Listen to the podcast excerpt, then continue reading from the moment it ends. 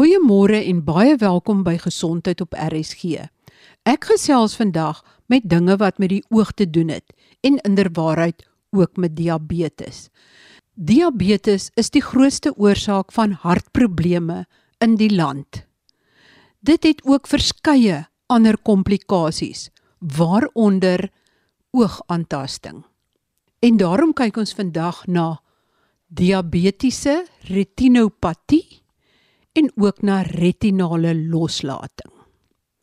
My gas vandag is dokter Karina Slazus, oogarts by die Kaapse Ooghospitaal en ook by die Panorama Medikliniek. Ons fokus eerste op retinale loslating en ons kyk of dit iets met diabetes te doen het. Die mees algemene rede vir 'n retinale loslating is wanneer daar 'n gaatjie in die retina kom. Nou net om 'n bietjie te gesels oor die anatomie van die oog sodat mense weet watter strukture betrokke is. Die agterkant van die oog is uh, die binnekant is uh, belyn met 'n senuweefvesellaag en dit is wat die lig dan vang en dan omsit in uh syne wat na die brein toe gaan sodat jy dan die brein dit dan interpreteer as 'n beeld met ander woorde dit is wat jou laat sien. Nou as daai senuweelaagie 'n gaatjie inkry, dan is dit 'n plek waarvan die vog wat jy binne in die oog kry onder die laag ingaan. En as daai laag dan loskom en vog onder hom in het, dan is hy nie meer uh in kontak met sy uh, sy bloedvoorsiening wat dan die voedingsstowwe aan die selle uh, bring nie en dan begin daai selle afsterwe. So 'n retinale loslating is 'n mediese noodgeval want hoe langer daai laagie weg is van sy bloedvoorsiening, hoe kleiner raak die kans om die visie te herwin.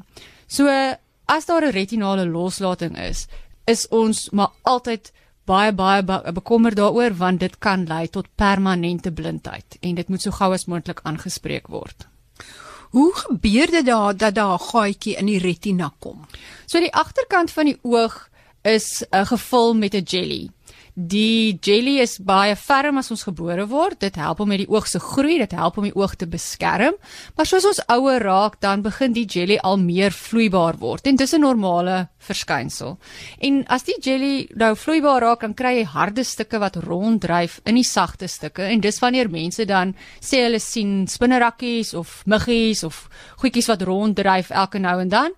En daai sagwordproses is die normale verouderingsproses van die oog.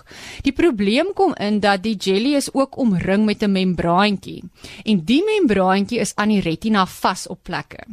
Nou, die sagwordproses laat die jelly krimp ook en dan as hierdie membraantjie dan begin krimp en lostrek van die retina, dan is daar 'n probleem indien dit te styf vas aan die retina self was, want dan kan dit 'n gaatjie trek.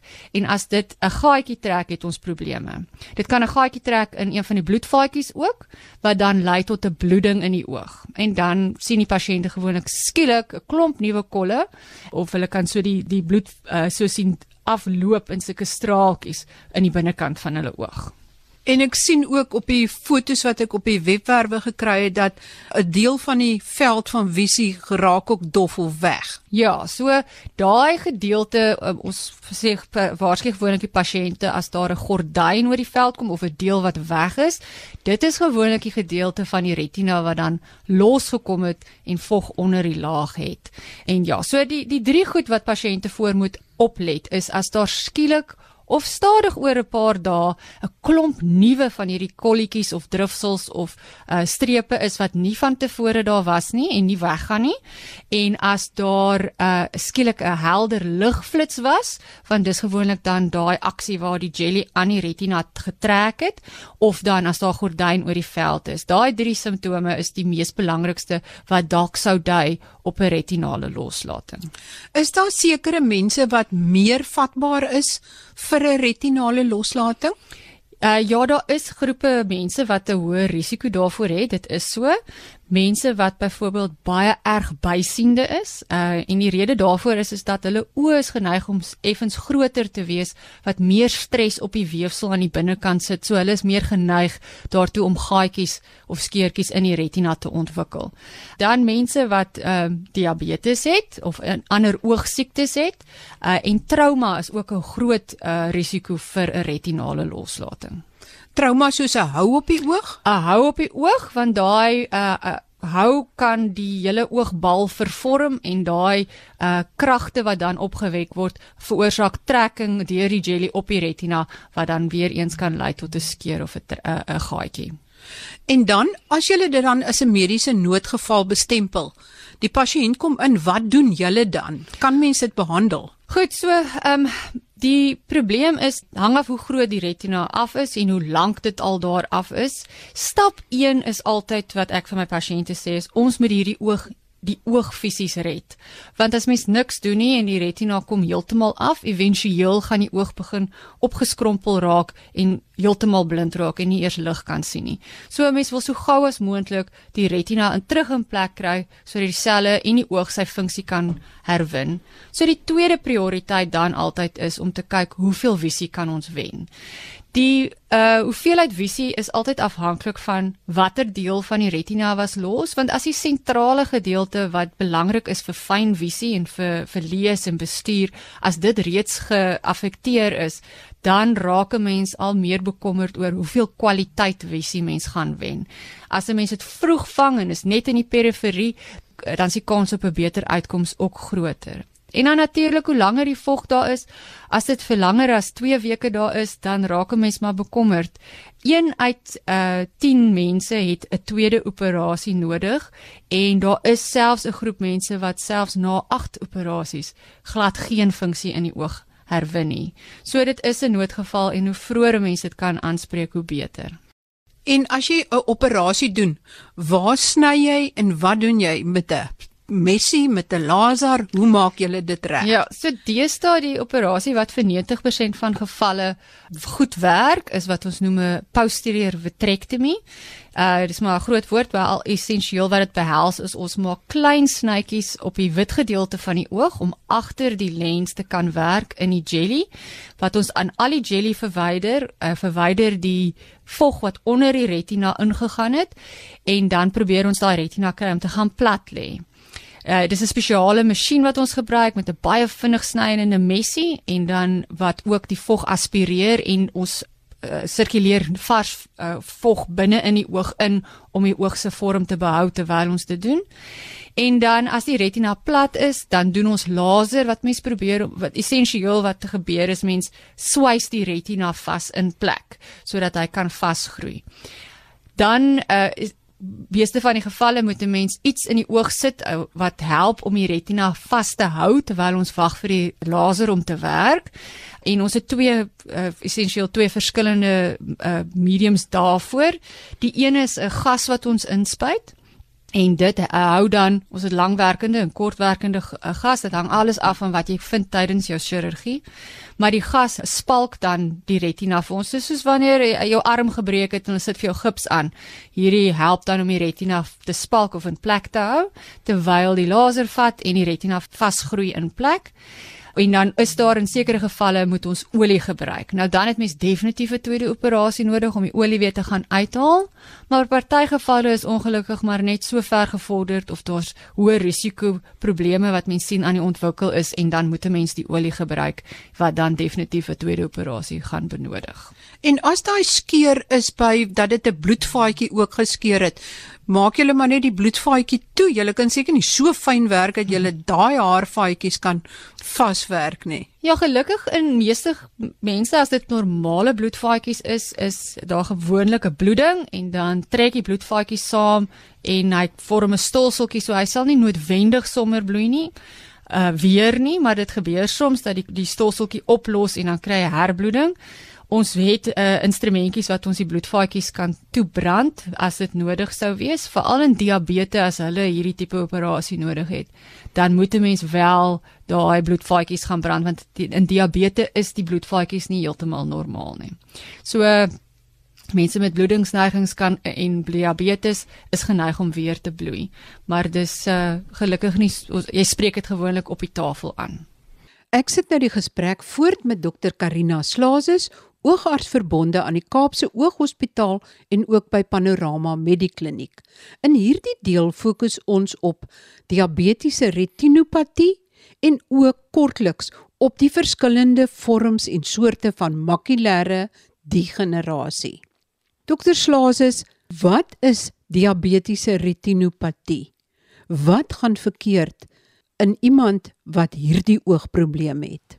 So mense wat lankstade diabetes het, dis gewoonlik mense wie se suikers nie onder beheer was nie. Nou die uh, as die glikose vlakke of die suikervlakke gereig is om baie te fluktueer, buite beheer te wees, uh, baie laag te val of baie baie hoog te gaan, dan sit dit baie stres op al die bloedvaatjies in die liggaam, al die klein bloedvaatjies. So niere word aangetast daardeur. Party mense kry uh, probleme met hulle vingers en hulle tone dat hulle uh, sensasie aangetast is, maar in die oë, daai klein bloedvaatjies word dan natuurlik ook aangetast. En jy kan daai bloedvaatjies kan jy fisies sien as 'n mens 'n oogondersoek doen die suikervlakke maak dat daar 'n relatiewe hipoksie van die weefsel is en dit lei dan tot die uh, afskeiding van sekere stowwe wat uh, syne is om nuwe bloedvate te vorm. Dan groei daar klein nuwe abnormale bloedvaatjies binne in die oog en hierdie abnormale bloedvaatjies is baie bros en hulle is geneig om maklik te lek en vog deur te laat en ook te te bloei. So in diabetiese retinopatie kry mens dan dat mense hierdie abnormale bloedvaatjies het, hulle het swelling agter in die oog wat die visie aantas en daar kan bloedings ook plaasvind wat dan ook natuurlik die visie gaan beïnvloed. Die probleem met diabetiese retinopatie is indien die veranderinge daar is, is dit gewoonlik nader aan die einde van die hele siekteproses. So die aanbeveling is en is baie belangrik dat mense jaarliks as hulle suiker siekte het of diabetes het, moet hulle jaarliks laat kyk na die binnekant van hulle oë. Want hierdie abnormale bloedvaatjies sit nie noodwendig in die middel, die sentrale visie gedeelte nie. Dit sit gewoonlik hier meer na die kante toe. En teen die tyd dat hulle begin bloei of hulle begin lek of hulle kan self saamtrek en retinale loslatings veroorsaak en die pasiënte dan eers opmerk, is dit eintlik al op 'n baie gevorderde stadium. En daar is dinge wat mens kan doen voordat mens daardie vlak bereik om te keer dat die pasiënt permanente skade en visieverlies het. Met ander woorde, teen die tyd dat die pasiënt abnormaal sien en ek sien ook dit is 'n swart blertse of siglose blertse wat verskyn, teen die tyd wat dit verskyn is dit eintlik al baie ver in die proses. Ja, dit is so. So mense wil dit vroeg optel. En as pasiënte begin sien dat lyne is, nie meer reguit nie, hulle lyk gekartel of, of daar's dele wat weg is, dan is dit ook 'n teken dat daar iewers of 'n bietjie bloeding of 'n bietjie swelling agter in die oog is en mens moet dit so gou as moontlik aanspreek. As 'n pasiënt na jou toe kom, en dis nog redelik aan die beginstadium. Wat doen julle dan? So die heel belangrikste ding is dat die pasiënt se suikervlakke moet goed onder beheer wees. En alles wat ons aan die oog doen is amper so 'n bietjie om die, soos om die brandende bos met 'n koppie water op die slag te probeer doodgooi. Jy moet die die wortel van die kwaad gaan aanspreek en dit is onbeheerde suikers. Bloeddruk is baie belangrik om seker te maak dis onder beheer. Pasiënte wat cholesterolprobleme het, moet hulle cholesterol ook onder beheer kry want daai faktore alles beïnvloed die die gesondheid van die bloedvaatjies. En rook natuurlik. Pasiënte moet oorweeg om op te hou rook want daai die rook maak ook dat die die bloedvaatjies nie kan gesond raak nie. Dis dit's baie baie belangrik. Dis die grootste guns wat jy jouself hierdie jaar kan doen as jy rook om op te hou rook. En dan natuurlik 'n bietjie oefening te doen want dit maak dit is ook baie belangrik vir mense algemene gesondheid. En al daai faktore is belangrik om aan te spreek. Maar dan van die oogarts se kant af, ons kan ehm uh, medisyne toedien wat kan help om die swelling te kry om weg te gaan. In sommige gevalle moet ons laser doen om van die abnormale bloedvaatjies te kry om weg te gaan en dan in sekere gevalle is 'n operasie ook aangedui om dan die bloeding weg te vat, die traksie daai wat dit trek aan die retina om dit te verlig om te kry dat die retina gaan plat lê en nog laser te doen. Dit is nou aan die beginstadium dat jy dit doen en later, maar sal dit weer verskyn as die diabetes steeds nie goed beheer word nie. Is dit net 'n vertragingsproses wat julle dit nou die probleem oplos, maar dit kan weer ontstaan? Ja, ongelukkig as daar nie beheer van die suiker is nie. Kan 'n mens redelik van die, jy kan aan die begin as dit min swelling is, kan jy kry van die swelling om weg te gaan. Maar as 'n mens as dit verby 'n sekere punt gegaan het, maak nie saak wat ons doen nie, kan 'n mens nie meer die visie red nie of terugbring nie. So hoe vroeër mens seker maak alles is onder beheer en aanspreek wat aangespreek moet word en seker maak die suiker is fyn gekontroleer, dan kan mens keer dat daar progressie is. Maar ongelukkig as dit te gevorderd is, is daar nie veel wat mens kan doen daaromtrent nie. Ja, ons het al herhaaldelik op hierdie program gesels oor diabetes en dis so seer die mense sal baie keer sê wat maak dit saak as my suikervlakke of glikose vlakke te hoog of te laag is, maar dis die komplikasies, die probleme met die hart, die niere, die oë wat die groot probleme veroorsaak. En verreweg die meeste sterftes as gevolg van diabetes is weens hartprobleme wat 'n komplikasie is van diabetes net soos wat die oogprobleme nou die komplikasie is van diabetes wat mens so graag wil vermy.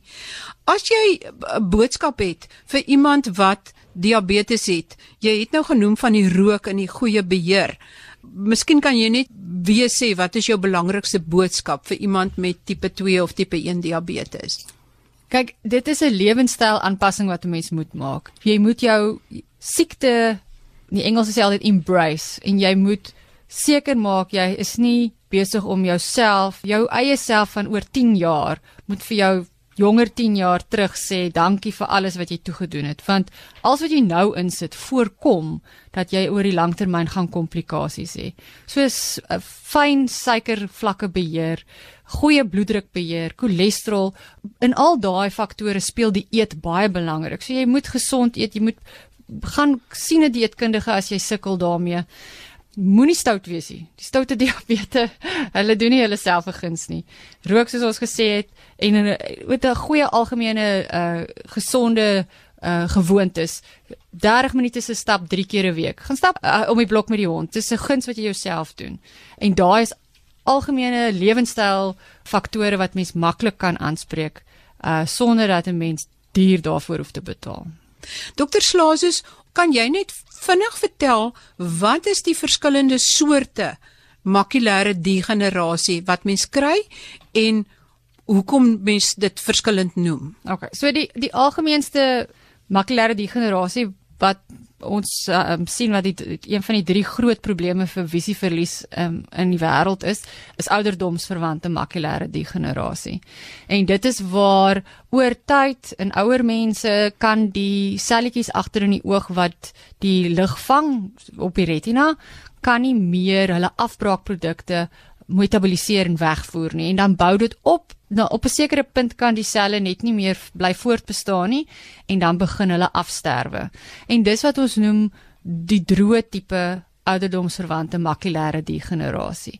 En dis ongelukkig waar pasiënte stadig oor tyd begin hulle dowwe kolle sien, dele wat wegraak, hulle kan nie meer lekker gesigte sien nie en die naaldwerk raak moeilik, bestuur raak moeilik, hulle kan nie lees nie en die TV is ook definitief nie meer in fokus nie. En dis die grootste uh gedeelte van die makulêre degenerasie. Nou 10% van mense kry wat ons noem die nat tipe ma ouderdomsverwante makulêre degenerasie. En dis nou waar die integriteit van die uh membraantjies agter in die oë uh, verlore gaan omdat die selle nie meer daar is om dit in stand te hou nie. Jy kry essensiële krakie en dan begin daar abnormale bloedvaatjies groei. Weereens hierdie abnormale bloedvaatjies is dan geneig om te lek en te bloei wat dan skielik lei tot 'n afname in visie. So die pasiënte sal gewoonlik vir hulle sien 'n groot nuwe donker kol wat nie daar was 2 dae terug nie of hulle sien dat al die lyne lyk gekartel. Hulle sê die wit die as hulle bestuur die wit streep maak sulke golwe. Daai is ook 'n redelike dringende noodgeval wat 'n mens moet na laat kyk want deesdae kan 'n mens iets daaromtrent doen. 15 jaar terug was daar niks wat ons kon gedoen het nie. En hoe gouer mens dit aanspreek, hoe vinniger kan mens ook die visie herwin. Dit klink vir my of jy meer kan doen vir die nat tipe as vir die droë tipe. Ja, ongelukkig op hierdie stadium, daar is navorsing wat gedoen word om op die droogtipe, maar daar's nog niks wat werklik help nie. Sekere groot populasiestudies beveel aan dat 'n mens vitamienaanvullings gebruik, maar hulle kon nie onomwonde bewys dat dit werklik voorkomend is vir progressie uh, van die droë tipe nie. Maar die nat tipe kan ons deesdae met 'n uh, inspuitingkies kan ons dit kry dat die vog weggaan Natuurlik weer eens hoe vroeër mense doen, hoe beter is jou uitkoms want hoe korter daar vog is, hoe beter gaan die funksie geerwin kan word. En as jong mense makulêre degenerasie kry, wat is dit dan? Nou die tipe die makulêre degenerasies is meer 'n uh, genetiese tipe degenerasies wat ons sien in in jonger mense. Die algemeenste ene wat uh, daar buite is wat ons noem Stargardt's se distrofie. Dit val on, alles onder die groep oogtoestande wat uh, ons noem retinitis pigmentosa. Daar ongelukkig is nie veel wat ons aan kan doen nie. Dit is maar 'n degeneratiewe uh, proses wat lei tot visieverlies. Baie dankie aan my gas Dr. Karina Slazes, oogarts verbonde aan die Kaapse Ooghospitaal en ook by die Panorama Medikliniek. Besoek gerus ons webwerf rsg.co.za en kyk onder top stories. Daar is 'n skakel na artikel wat verskeie illustrasies en prentjies bevat oor hoe 'n mens sien wat aan een van hierdie probleme ly: diabetiese retinopatie, makulêre degenerasie of retinale loslating.